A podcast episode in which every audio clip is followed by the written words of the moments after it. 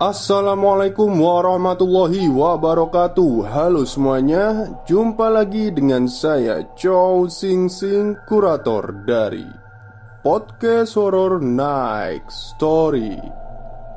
Halo apa kabar semuanya? Semoga kalian pada sehat semua ya.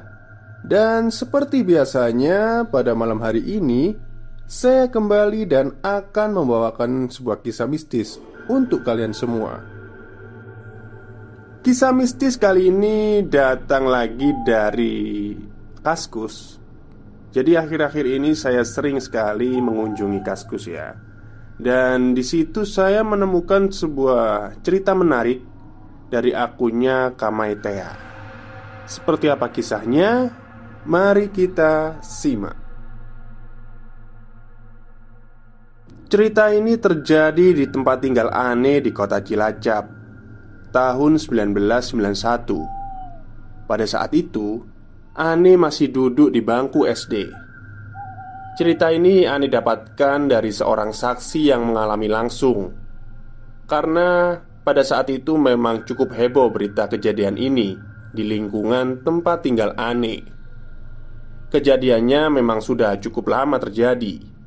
Tapi ingatan akan kejadian itu tidak pernah hilang dari ingatan Ani Ketika itu, Ane tinggal bersama orang tua di rumah dinas yang letaknya tepat di samping kantor. Kedua orang tua Ane kerja di PT tidak disebutkan namanya ya di sini. Rumah dinas Ane bisa dibilang rumah baru. Kondisinya cukup asri dan nyaman. Beberapa langkah di belakang rumah Ane terdapat rumah dinas kepala kantor. Rumahnya cukup besar dengan arsitektur khas rumah bergaya Belanda di masa lampau. Rumah tersebut dihuni oleh kepala kantor beserta keluarganya, ditambah satu asisten rumah tangga. Rumah tersebut sangat klasik, benar-benar masih terlihat orisinil tanpa ada perubahan apa pun dari bentuk awal rumah itu dibangun.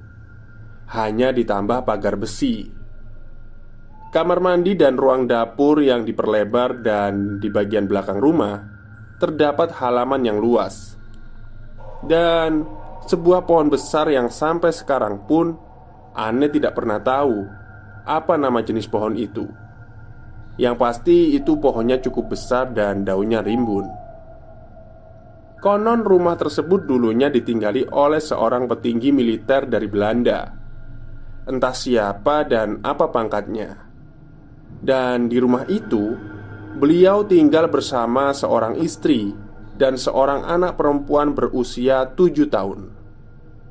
Mari kita langsung ke cerita menyeramkannya ya.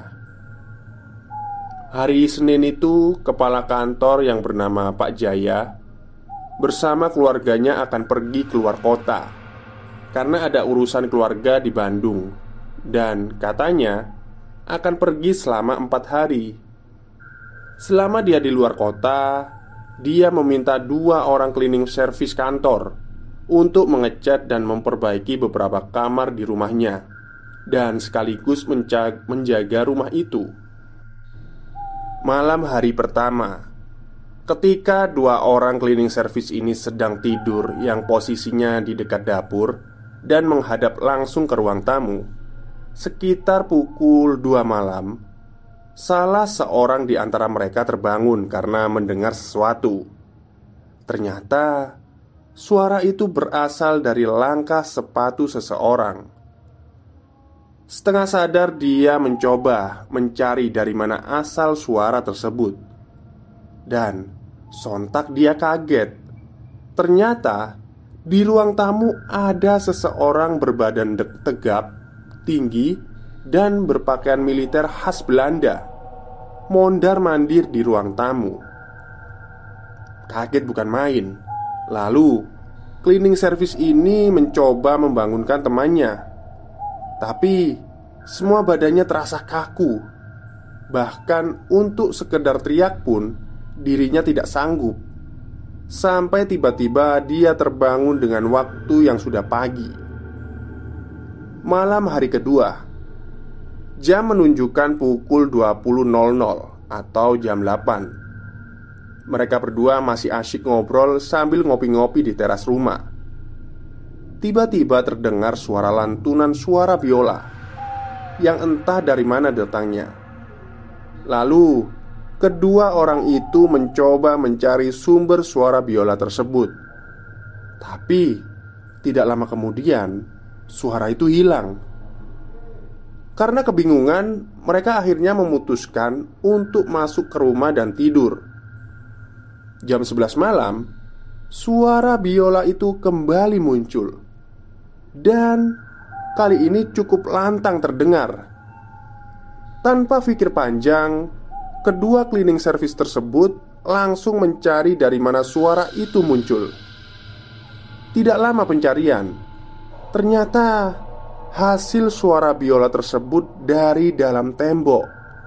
Di belakang dapur yang sudah lama tidak terpakai, yang posisinya tepat di belakang rumah dekat pohon besar itu. Dan pencarian pun mereka putuskan untuk dilanjutkan esok hari. Pagi harinya, kedua cleaning service yang penasaran itu mencoba membongkar tembok di rumah yang lama tak terpakai itu. Dan mereka pun dikagetkan dengan ditemukannya sebuah biola kuno Dengan keadaan yang kurang baik dan penuh debu Aneh dan bikin penasaran Kenapa bisa ada biola kuno di sana? Dengan penuh tanda tanya yang tak terjawab Mereka pikir nanti saja Laporkan ke sang kepala kantor Biar bisa dipastikan itu biola milik siapa Malam hari ketiga Lagi-lagi jam 11 malam Mereka berdua terbangun karena ada suara yang cukup mengganggu Yaitu Samar-samar suara nyanyian dari anak kecil. Masih dalam keadaan setengah sadar, mereka mencoba menerka suara itu dari mana. Tiba-tiba muncul sosok yang menakutkan dari kamar tidur utama. Viol, viol, viol. Ya, sosok menyeramkan tersebut mengatakan, Viol, viol, viol. Dengan ketakutan yang luar biasa Kedua cleaning service ini mencoba lari. Tapi Kaki merasa sama sekali tidak bisa bergerak Mulut mereka kaku dan keduanya hanya bisa berdoa. Kemudian Mereka tersadar Ketika hari sudah menjelang pagi. Lalu Beberapa jam kemudian datanglah mobil kepala kantor bersama keluarga Yang baru saja dari keperluan di Bandung. Kedua cleaning service itu pun kemudian menceritakan pengalaman menyeramkannya saat di rumah itu.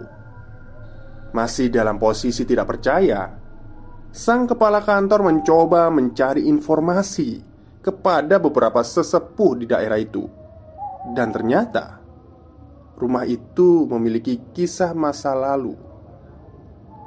Menurut sesepuh yang paham soal rumah itu, memang dikatakan jika dahulunya pada tahun 1930 rumah tersebut dihuni oleh seorang petinggi Belanda dan dia cukup terpandang dan sangat bersahabat dengan kaum pribumi.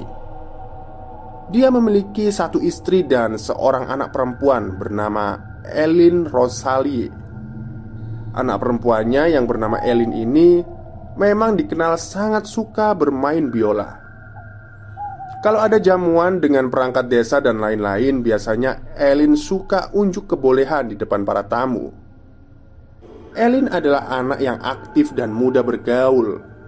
Dia anak yang sangat supel dan lincah. Dan ternyata ada kejadian berdarah yang terjadi di rumah itu.